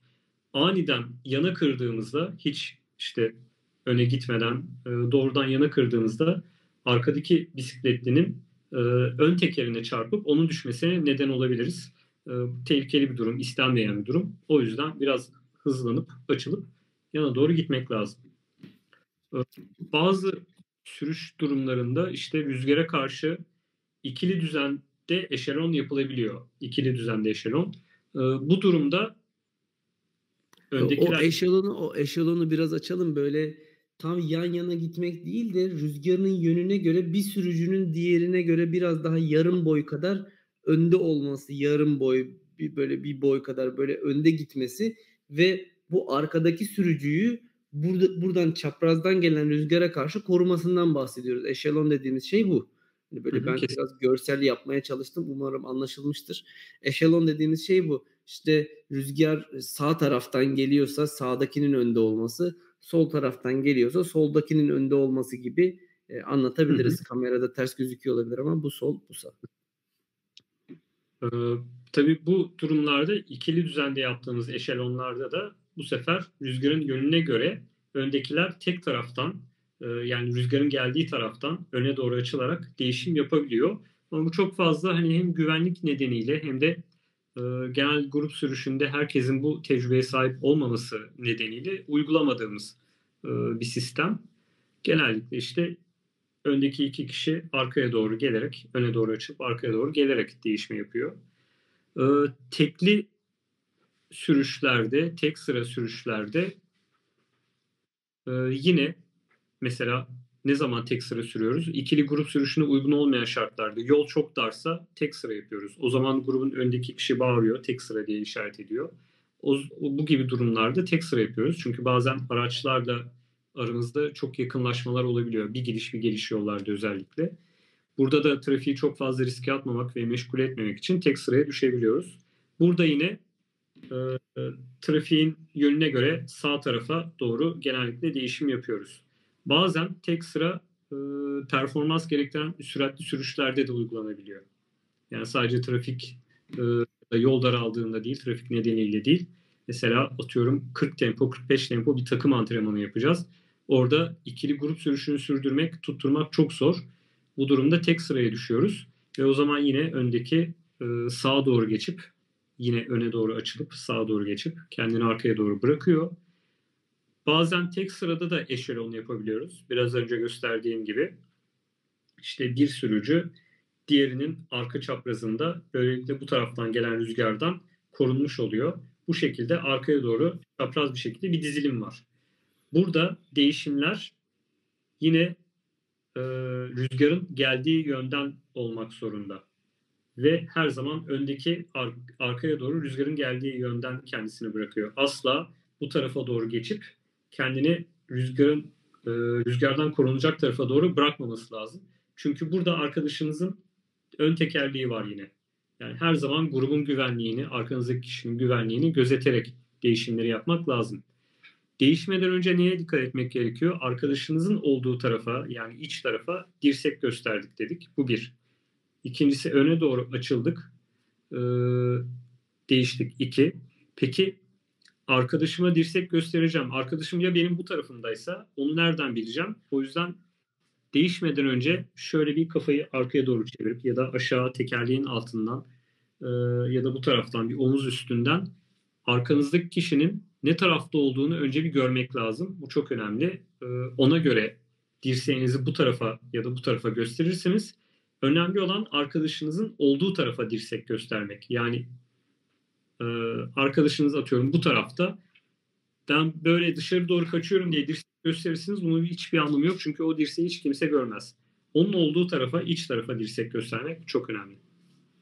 Bu arada işte arkadaki arkadaşımızın olduğu taraf derken hani böyle tabii ki hani omuz omuza gittiğiniz için hani şöyle oluyor bazen arkadaki bir arkanızdaki kişi böyle tam arkanızda olmuyor da hafif böyle sağda hafif solda oluyor. Tufan bundan bahsediyor.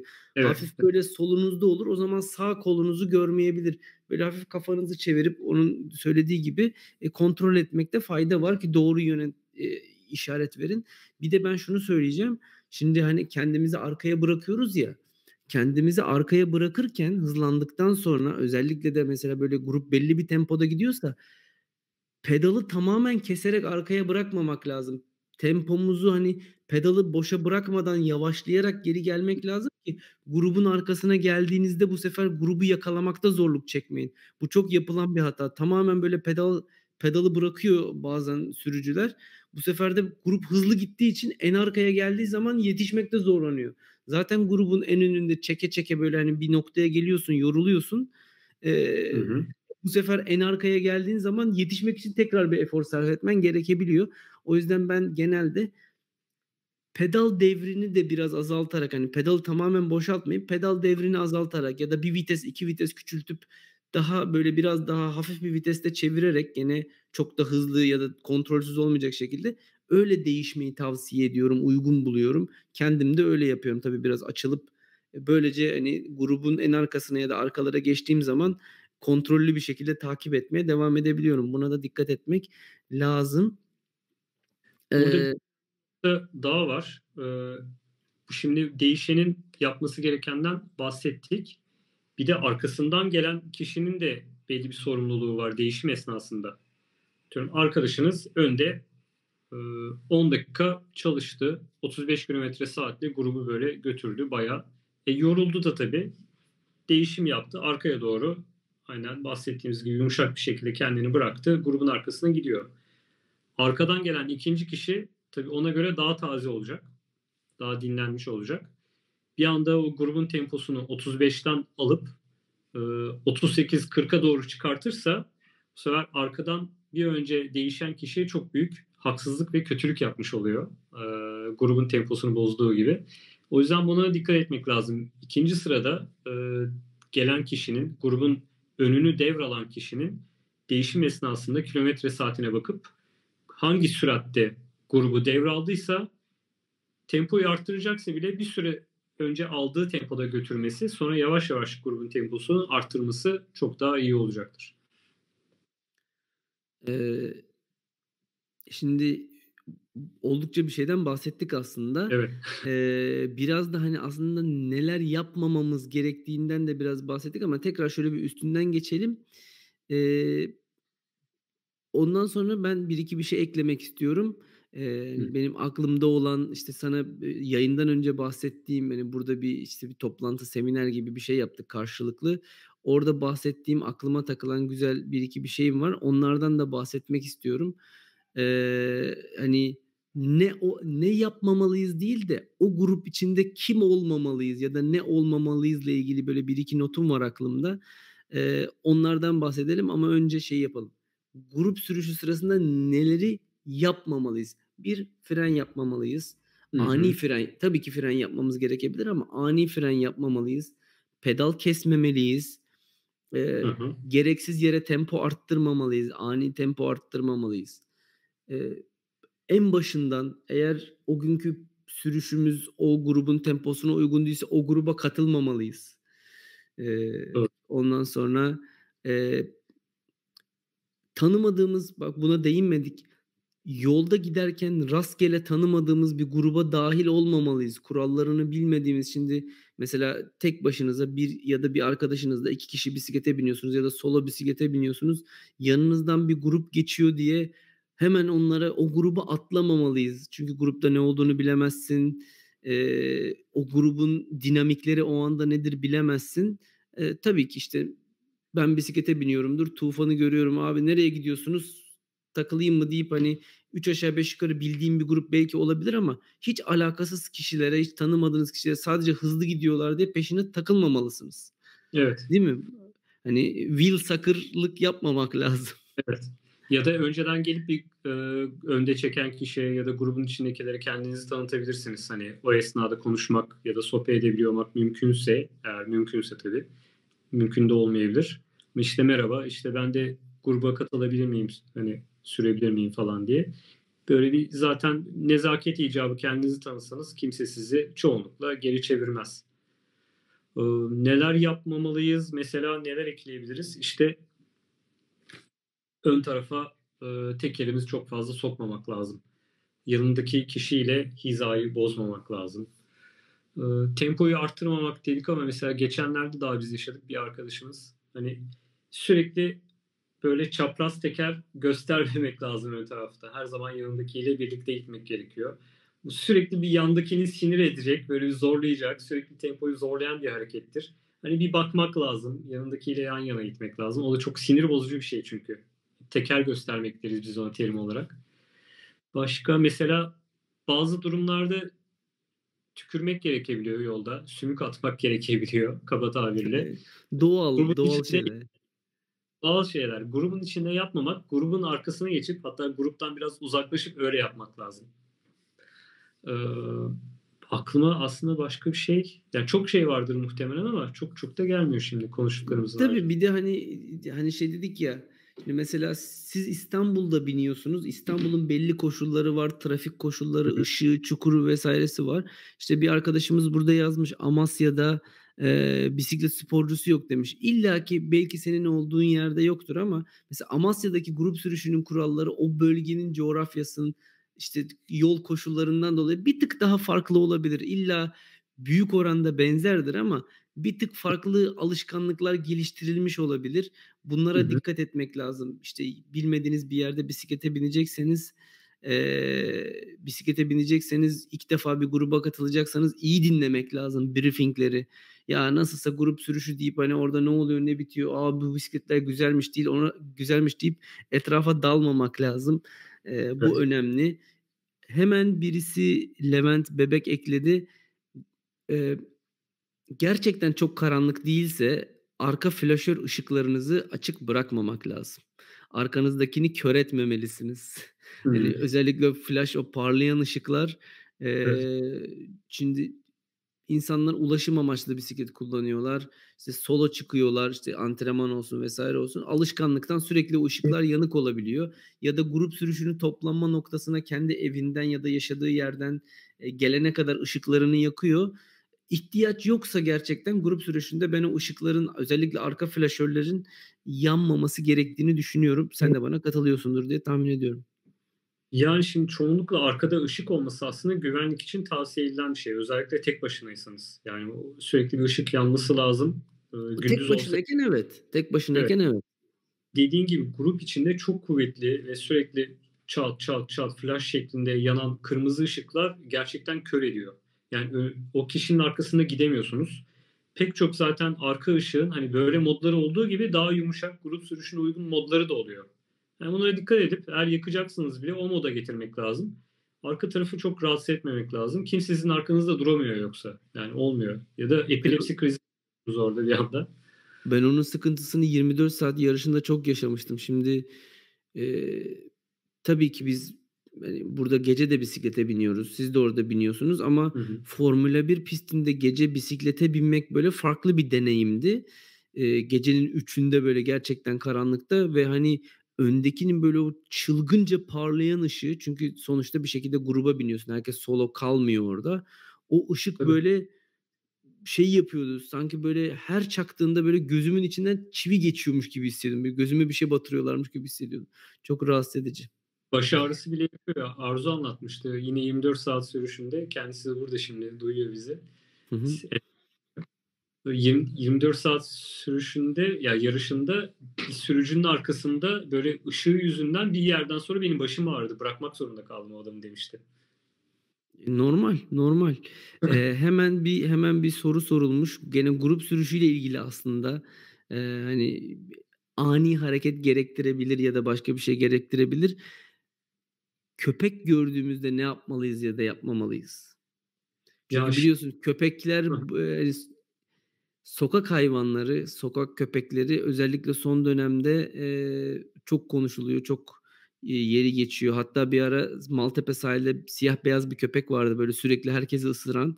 Evet, ee, köpekler maalesef bisikletlileri pek e, sevmiyorlar. Ne yapmak lazım? Özellikle grup sürüşlerinde nasıl davranmak lazım? Ee, ya her şekilde ne olursa olsun bir kere soğukkanlı olmak lazım grup sürüşünde. Ani hareketlerden kaçınmak lazım. Çünkü o esnada köpek oyun için bile olsa üzerine doğru koşabilir, gelebilir. Ama sizin köpekten korkarak yaptığınız ani manevra e, bütün grubu yere devirebilir. Köpeğin belki vereceği hasardan çok daha büyük bir hasara neden olabilirsiniz. O yüzden soğukkanlı davranmak lazım. Büyük grupsanız zaten kalabalık bir grupsanız köpekler size çok fazla e, o gruba girmeye ya da size saldırmaya çekinecektir. Girmezler. O yüzden bir arada kalmak, soğukkanlı bir şekilde ilerlemek e, grup halindeyseniz en mantıklısı. Şimdi mesela o siyah beyaz köpeğin haricinde yine e, Pendik Tuzla sahilinde kö- e, bisiklet gruplarına eşlik eden e, bir iki tane oyuncu köpek var.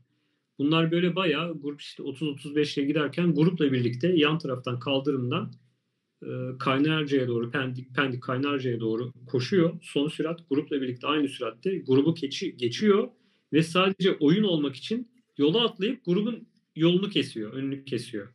Ya bu durumda ne oluyor mesela? Biz geçen tecrübe ettik onu. Ee, yine grup sürüşümüzdü. Ben en baştan gittim. Atak yaptım. Köpekle birlikte koştum. Böylelikle köpek e, bana eşlik etti. Gruba eşlik etmedi. Grup birazcık daha arkamda kaldı. E, ben onun köpeğin oyun için bunu yaptığını biliyorum. E, sonra durduğumuz yerde köpek benim önüme doğru atladı. Ben de rahat bir şekilde tek başıma olduğu için frenimi yapıp durabildim. E, grupta güvenli bir şekilde geçebildi. Yani bir arkadaşımız da gitti e, yine böyle köpekler oyun için gruba havlamaya, toparlanmaya başladılar. ilgi duymaya başladılar diyeyim. Bir arkadaşımız da yine e, kulakları çınlasın gelip köpeklerin üzerine aa merhaba oğlum ne haber nasılsın falan diye böyle konuşarak biraz böyle ilerleyince onlar da yine kaldırma doğru kaçtı. Yani soğukkanlı olmak lazım. Biraz bazı hayvanlar saldırgan olduğu gibi çoğu da aslında bunu oyun için, ilgi almak için yapıyor. Ee, orada da biraz hayvanlara karşı anlayışlı, soğukkanlı ve biraz güvenli yaklaşmak gerekiyor. Çok korkmanın faydası yok. Ee, sanıyorum ki Levent'in sorusuna cevap vermiş olduk gayet güzel bir şekilde. Şimdi bir buçuk saate doğru geliyoruz yavaş yavaş. Hani biraz da toparlamak bu akşam için teşekkür etmek lazım ama dediğim gibi aklıma gelen bir iki bir şeyi söylemek lazım. Sen söylemek istiyorum. Bunlardan bir tanesini sen söyledin aslında. O egolu arkadaş olmamak lazım. Ee, hani böyle hep böyle bir önde git böyle bir yarım teker önde gitmeye çalışan e, böyle kendini göstermeye çalışan kişi olmamak lazım. Sonuçta grup sürüşü e, videonun muhabbetin başında da söylediğimiz gibi e, bir sosyal bir ortam. Herkesin eşit olduğu, herkesin eşit olarak davranması gerektiği bir ortam. Hani böyle bir çoğu insanın üstündeki farklı farklı ceketlerini çıkartıp oraya geldiği bir ortam. Kaba tabirle hani böyle annemizin babamızın bize söylediği gibi e, eşit olmam hani ona göre hızlı mı gitmek istiyorsun? Hızlı gidebilirsin. Başka grupla git. Ya da işte hı hı. kendini kuvvetli mi hissediyorsun? Ama eğer o grupla sürüyorsan o adam olma. Böyle senin dediğin gibi böyle bir yarım teker sürekli önüne gidip yandakini taciz etmemen gerekiyor. Tabii ki eşelondan bahsetmiyoruz. Rüzgar geliyorsa ayrı bir konu ama o adam o, o adam olmamak gerekiyor. Herkesin şeyine dikkat etmek. Hani e, herkese kar, yanındakine, önündekine, arkandakine saygı göstermen gerekiyor. Ve hani bu ego sadece e, yan tarafın üstü yani yanındaki kişi üstünde oluşturduğun stresten ziyade tehlike de yaratıyor. Çünkü sen yarım teker öne gidiyorsun, arkandaki de yarım teker öne geliyor takip etmek için. Bu sefer evet. lastikler, jantlar böyle üst üste geliyor. Ani sağa sola hareketlerde kazalara sebep verebiliyorsun. Egolarınızdan sıyrılmak lazım. Ee, yol bisikleti sürüşü yaparken. Ee, onun haricinde ne demiştik? Ee, biraz gözünüzün açık olması lazım. Hmm. Etrafınıza bakın nasılsa grupla gidiyoruz diye e, her şeyi başkasına devretmeyin. Sonuçta e, birçoğumuz e, sen sentimental insanlarız. Yani böyle şeyiz. Normal günlük yaşamlı insanlarız. Biz sporcu değiliz. Tabii ki mesela sen bana göre daha çok sporcusun mesela. Benden daha çok spor yapıyorsun. Daha çok işindesin, yarışıyorsun. Ama sonuçta biz hayatımızı bu işten bu işten kazanmıyoruz. Bisiklete hmm. binerek para kazanmıyoruz. Bizim profesyonel hayatımız bu değil. Aynen. Sakatlan e, sakatlandığımız, kaza yaptığımız zaman eee, işte, ne bileyim, bir hastanede yatmamız gerektiği zaman, çok ciddi tedaviler görmemiz gerektiği zaman, tabii ki bisiklet hobimiz, bisiklet sev sevdamız. Yani ben elime bike yazdıracak kadar, üstümde bisiklet dövmesi yaptıracak kadar bu işin içindeyim ama sonuçta, eee, bir ailem var. Birçoğumuzun ailesi var, annesi var, babası var. O yüzden gözümüzü dört açmalıyız, temkinli olmalıyız. Eee, tehlikeye yer vermeyecek şekilde sürmeye özen göstermeliyiz. E, unutmayın, omuz omuza bisiklete biniyorsunuz. O an sizin başınıza gelebilecek bir problem, sizin farkında olmadan sebep olduğunuz bir şey, arkada bir başkasının hayatını çok farklı bir yere getirebilir. Bunu hiçbir zaman unutmamanız gerekiyor. İşte, insanlar çok kötü sonuçta bisiklet dediğimiz şey kafamızda kaskımız var. Başka bir korumamız yok. Doğal olarak, eee, herhangi bir kaza durumunda çok istenmeyen, çok kimsenin hayal bile edemeyeceği şeyler olabiliyor. Sadece kendinizi değil, başkalarınızı da düşünmeniz gerekiyor. Buna Evet. dikkat etmek lazım. Eee, senin başka söylemek istediğin bir şeyler varsa ekleyelim. Ondan sonra da, hı. eee, teşekkür edip yavaş yavaş kapatalım diyorum. Ne dersin? Çok teşekkürler tabii. Eee, ya, aynen dediğin gibi %100 katılıyorum senin de söylediklerine son olarak. Yani hem ister yarışta, ister grup sürüşünde, ister antrenmanda, yani tek başımıza asla değiliz ve bunu da unutmamak lazım. Eee, kendi güvenliğimizi düşündüğümüz kadar o grubun içinde ya da birlikte sürüşe çıktığımız kişilerin de ya da yarışta bir arada olduğumuz kişilerin de güvenliğini göz önüne alarak her türlü hareketimizi, manevramızı yapmak gerekiyor. Neticede bu birlikte yapılan bir spor, birlikte keyif alınan bir spor. O yüzden birlikte bir sürüş yaptığımız insanlara da her zaman ihtiyacımız var. Onlar da bizim arkadaşlarımız, yoldaşlarımız. Bunu dediğin gibi, eee, sürekli göz önünde bulundurmak lazım. Yani önemli bir nokta. Eee, bizim burada konuştuğumuz birçok şey var ama eminim ki şu anda aklımıza gelmeyen, aldığımız notlarda yer almayan, sizin aklınıza gelmiş olabilecek başka binlerce şey olabilir. Bunları yorumlara yazmayı unutmayın. Böylece biz de bunları o an aklımıza gelmediyse bile bir daha, ııı, aklımıza gelecek şekilde, eee, farkına varmış olabiliriz. Eee, Tufancığım katıldığın için gerçekten çok teşekkür ediyorum. Bana sorarsan çok keyifli bir sohbet oldu. Çok da bilgilendirici bir sohbet oldu. Eee, bizi izleyenlerin ve izleyecek olanların da çok hoşuna gideceğini, çok faydalı bulacağını tahmin ediyorum. Eee, eğer öyle düşünüyorsanız bu yayını, canlı yayını bisik beraber bisiklet sürdüğünüz arkadaşlarınızla paylaşmayı, eee, eee, videoyu beğenmeyi, kanala abone olmayı unutmayın diyorum. Eee, bunu da söylemeden geçmeyelim. Eee, Tufan'a çok tekrardan çok teşekkür ediyorum. Eee, önümüzdeki Teşekkür hafta ça önümüzdeki hafta çarşamba günü, eee, başka bir konu ve yepyeni, eee, konuklarla görüşmek üzere. Çok teşekkürler diyorum. İyi akşamlar. Çok teşekkürler, iyi akşamlar.